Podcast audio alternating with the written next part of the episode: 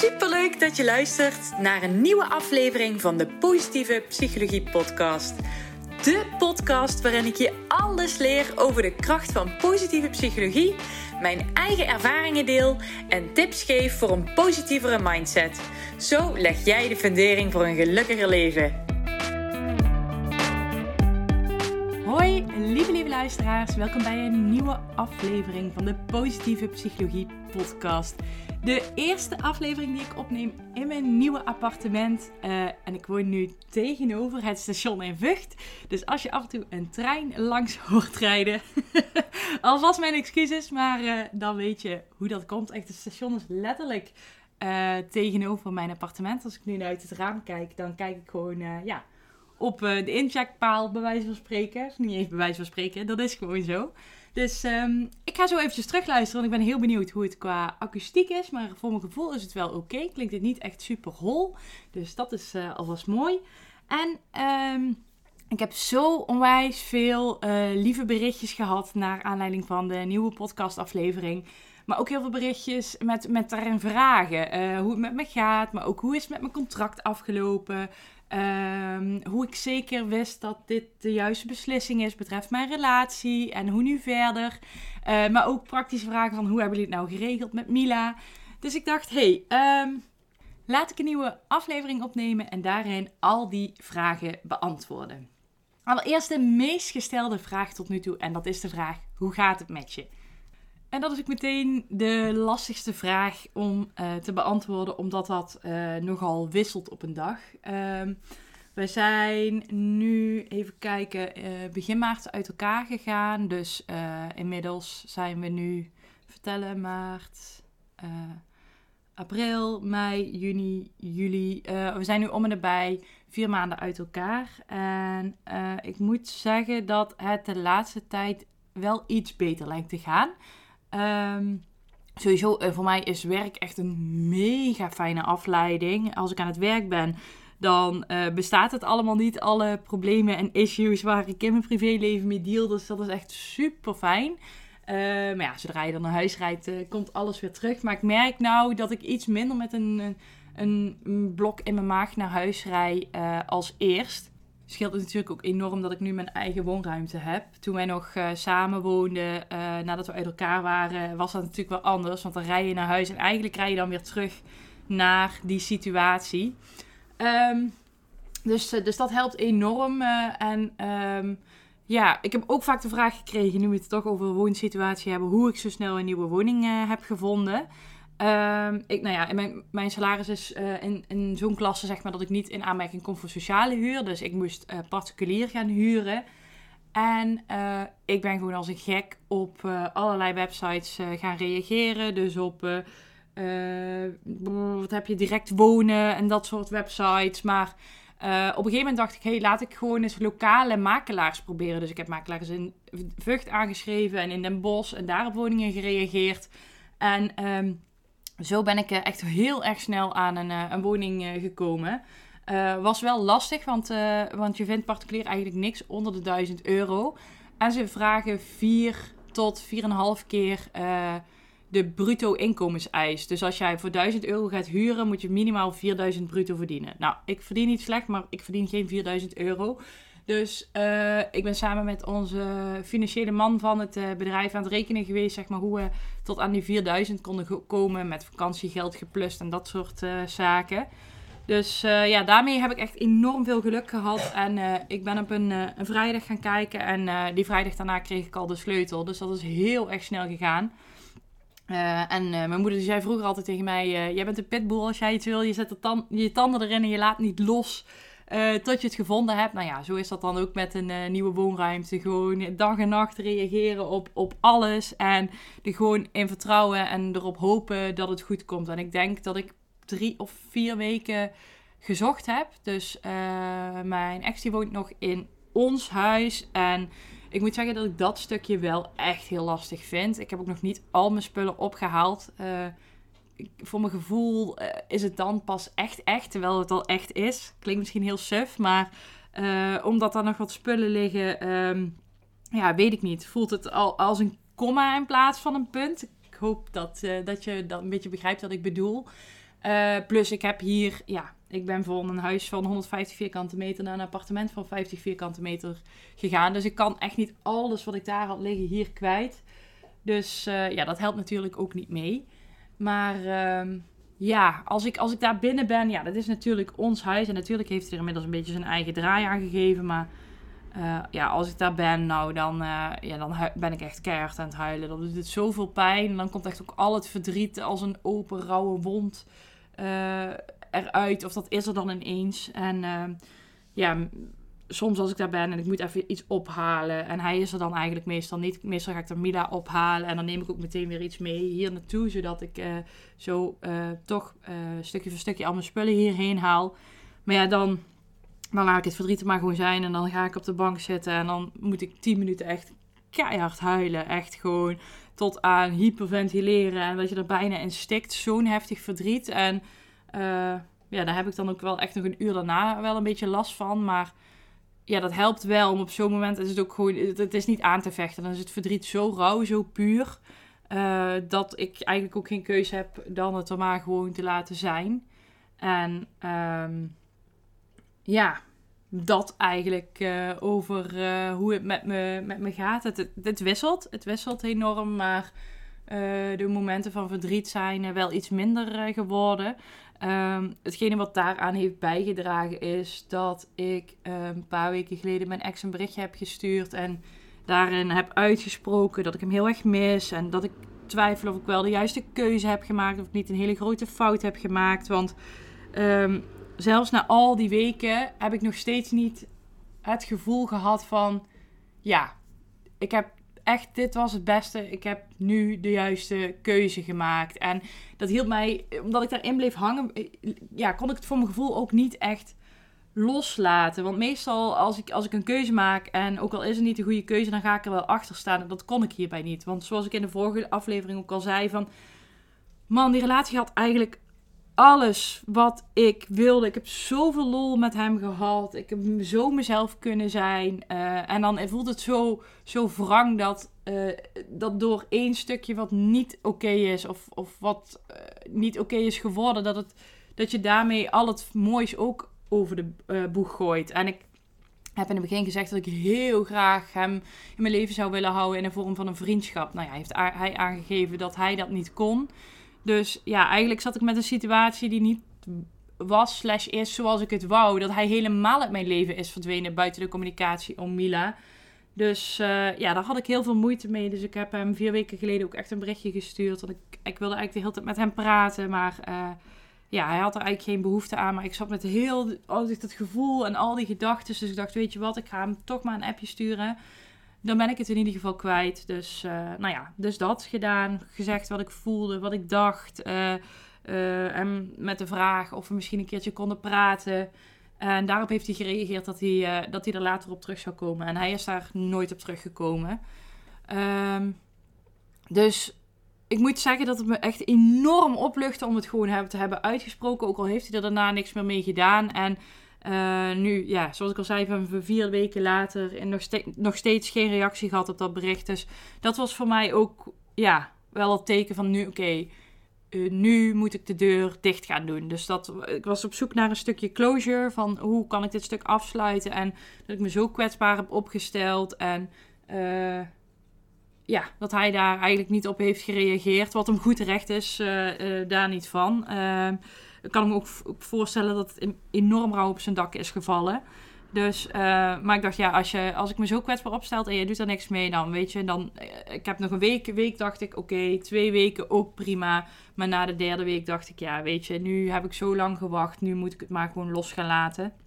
Dus dat, daar ben ik de laatste paar dagen aan het doen. En ik moet zeggen dat dat, dat dat heel veel rust geeft. Ik heb nog tegen hem gezegd wat ik wil zeggen. Ik heb de bal bij hem neergelegd en hij heeft daar niks mee gedaan. Dus ja, dan heb ik nu geen andere keuze dan het, uh, dan het gewoon los te laten. Dus ik moet zeggen dat dat enorm helpt met, uh, met hoe het met me gaat. En uh, ja, ik was op zoek naar een stukje, een stukje afsluiting. Want wij zijn natuurlijk samen nog op vakantie gegaan naar Curaçao. Heel veel mensen hebben gevraagd. Wacht, ik ga even een slokje water nemen, want ik krijg een droge mond. Momentje. We zijn ook nog samen naar, uh, naar Curaçao uh, gegaan. Um, Dat hadden we nog geboekt staan. En ehm, ja, daar eigenlijk het was niet alsof we uit elkaar waren, maar ondertussen was wel een soort van sluimerende ondertoon. We hebben het echt nog wel heel fijn gehad daar met z'n tweeën. Eigenlijk was het zoals altijd. Alleen toen na Curaçao, uh, ja, ben ik meteen in mijn nieuwe appartement gaan slapen. En ehm, dat was ook wel echt heel raar. Achteraf denk ik, had ik er niet beter aan gedaan om nog een nachtje in ons huis uh, uh, te slapen. Maar ik heb toen echt meteen als een, als een rip it off like a band-aid. Ik ben meteen uh, hier gaan slapen. Dus daar heb ik af en toe ook wel, nog wel spijt over gehad. Ja, ik, ik, ik weet niet of, of ik dat handig heb aangepakt. Maar weet je, ik kan, kan overal spijt van hebben of, of erover gaan twijfelen. Maar ik kan het verleden toch niet veranderen. En ik heb die keuzes gemaakt, dus daar zal ik mee, mee moeten dealen. Dus ja, weet ik, weet ik zeker of dit de juiste keuze is geweest. Die, die vraag heb ik ook van, uh, van een aantal ontvangen. Ja, ik weet het niet of dit de juiste keuze is geweest. Ik, uh, zoals ik in de vorige aflevering al zei, voelt het heel scheef als je zoveel moois hebt. En doordat er één ding ontbreekt of mist, je al dat moois overboord geeft. Maar ja, anderzijds, die MDR, sorry, die MDR, ik, ik ik kon dat niet. Ik voelde me zo, zo alleen. En nu denk ik achteraf wel eens van, ja, had ik het niet gewoon moeten proberen en had ik er niet voor moeten gaan. Maar ja, ik denk, nou ja, alles gebeurt met een reden. Dus ik zal deze keuze dan ook wel met een reden hebben gemaakt. Ook al zie ik de positieve kant op dit moment nog niet van die keuze. Maar dat zal met de toekomst wel, uh, wel komen. Um, een andere vraag die ik heb gekregen is: uh, hoe doen jullie met Mila? Uh, ik had gedeeld over het co-ouderschap. Nou, wilden mensen weten hoe we dat uh, hadden gedaan. Nou ja, ik ben dus heel bewust op zoek gegaan naar een, uh, een woning in Vught. Uh, zodat, en als er iets met, met mijn ex is en hij loopt even vast of, of, of hij heeft mij nodig dat ik in de buurt ben. Dat vond ik in ieder geval een fijne gedachte. Niet dat hij daar tot nu toe een beroep op heeft gedaan, maar ik vond dat zelf in ieder geval fijn. Dat mocht het slecht met hem gaan, dat ik in ieder geval binnen vijf minuten bij hem was. Maar ook voor de hond wilde ik in de buurt blijven. Dus we wonen nu op vijf minuutjes met de auto van elkaar af. En um, hij werkt woensdag tot en met vrijdag. Dus is maandag en dinsdag bij hem. En dan is ze woensdag en donderdag bij mij, want dan werk ik thuis. En vrijdag gaat ze naar de opvang of ik neem haar mee naar kantoor. En de weekenden die uh, delen we nagelang de planning. Dus het festivalwerk is wat, uh, weer wat aan het aantrekken. Dus hij heeft nou ook af en toe wat, wat festivalklussen in het weekend staan. Dus ze is nou in de weekenden wat vaker bij mij. Maar eigenlijk leggen we gewoon onze digitale agendas naast elkaar. En ja, um, kijken we zo bij, bij wie ze kan zijn. Dus nou ja, dat is in ieder geval echt heel fijn. Want dat is het enige contact verder wat we nog hebben over Mila. Dat is wat hij graag wilde. Dus heb ik heel veel moeite mee gehad om dat te accepteren. Ik heb echt honderd balletjes opgegooid. En kunnen we hierheen samen? Kunnen we even naar de bios? Uh, maar ja, hij heeft uh, aangegeven: nee, ik wil alleen maar contact over Mila. Dus dat was heel moeilijk voor mij. Maar ik heb dat nu inmiddels maar geaccepteerd. En contact over Mila, dat is echt heel fijn. Dus, uh, dus zo hebben we dat geregeld. Um, een andere vraag nog die ik vaak heb gekregen is hoe het met mijn contract is afgelopen. Nou, um, uh, misschien kan ik daar nog wat meer context over uh, geven. Wij zijn vorig jaar september, eigenlijk net nadat ik een maand in dienst was, zijn wij gefuseerd met een, een ander bedrijf. En mijn beoordelingsgesprek was toen door de twee directieleden, waarmee ik eigenlijk nog weinig had samengewerkt. En die hebben me ja, eigenlijk op, hoe zeg ik het netjes, uh, die hebben me gewoon eigenlijk helemaal onderuit gehaald. Terwijl ze nog nooit met mij hadden gewerkt. En uh, er was mij een vast contract beloofd. Ehm, moet ik even goed zeggen. Ja, ik had een tijdelijk contract van zeven maanden. En ze zeiden bij het, eh, toen ik daar begon te werken.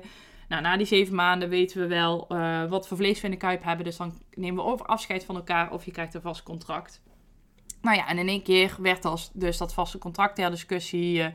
Uh, gesteld. Ik mocht wel blijven, maar dan met een uh, verlenging en een addendum op mijn contract waarin ik mezelf moest bewijzen. En ik dacht echt, nou, wat is dit? Kijk, als ik dingen niet goed doe, dat is, dat, hè, dan hoor ik dat graag van tevoren en niet tijdens zo'n gesprek.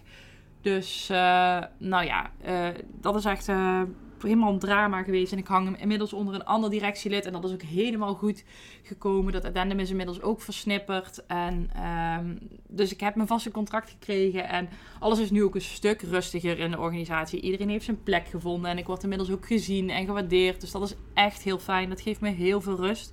En ik heb het echt onwijs naar mijn zin op mijn werk. Ik heb echt... Uh, ja, ik ben, ik ben nog nooit ergens eh, ik heb nog nooit ergens gewerkt dat ik zo ontzettend en onvoorwaardelijk mezelf kan zijn. Waar, ik, waar er zo in mij geloofd wordt als persoon. Ehm, waar ik zo in mijn kracht word gezet. Dus daar ben ik echt enorm blij mee. Dus echt een verschil met dag en nacht met na de fusie. Dus uh, dat is echt helemaal op zijn pootjes uh, terechtgekomen. Um, dus de overkoepelende vraag: hoe gaat het met je? Uh, over het algemeen gezien gaat het wel goed.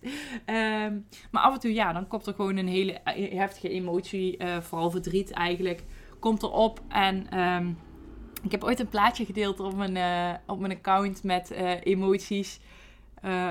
ja, ik zie het nu voor me. Ik ga, me, ik ga mijn best doen om het aan je uit te leggen. Het was een, het was een persoon en die persoon, daar zat een een, een, een, gat in de vorm van een cirkel in de buik. En daarvoor en daarna zag je een soort van rivier rondlopen met daarop uh, bootjes. En in die bootjes zaten mensen en die mensen hadden een emotie. Dus boos, uh, wat heb je voor basisemoties? Boos, bang, blij, bedroefd, beschaamd. Dat zijn ze volgens mij. Um, en uh, die, die emoties die varen door dat gat, door die... Oh, sorry, de hond begint in één keer te spelen. Twee seconden. Ik ben zo bij je terug. Sorry voor de onderbreking. maar die bootjes die varen dus door die persoon heen. En um, dat heeft mij echt onwijs geholpen om met emoties te dealen. Want ik dacht altijd als ik een uh, negatieve emotie toelaat. Nou ja, negatieve emoties bestaan niet, maar je snapt wat ik bedoel.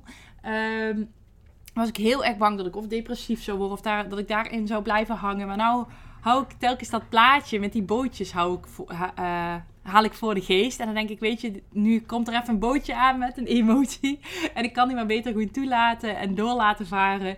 Want dan is hij daarna, eh, zakt hij weer af en eh, dan komt er weer de volgende emotie. Dus dat helpt me heel erg. Dus als ik heel erg verdrietig ben, dan laat ik het er maar gewoon zijn. En het lukt me echt niet altijd hoor, maar uh, het, gaat, het gaat de goede kant op, moet ik zeggen.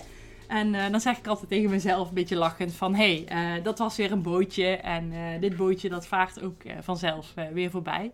Dus misschien heb jij ook wat aan deze tip. mij helpt die echt enorm om mezelf eigenlijk ervan bewust te maken van... hé, hey, deze emotie die komt nu, die wil gehoord en gezien worden... maar hij is ook maar tijdelijk, dus kom maar door. En, en soms is het een, een roeiboot en soms is het een slagschip.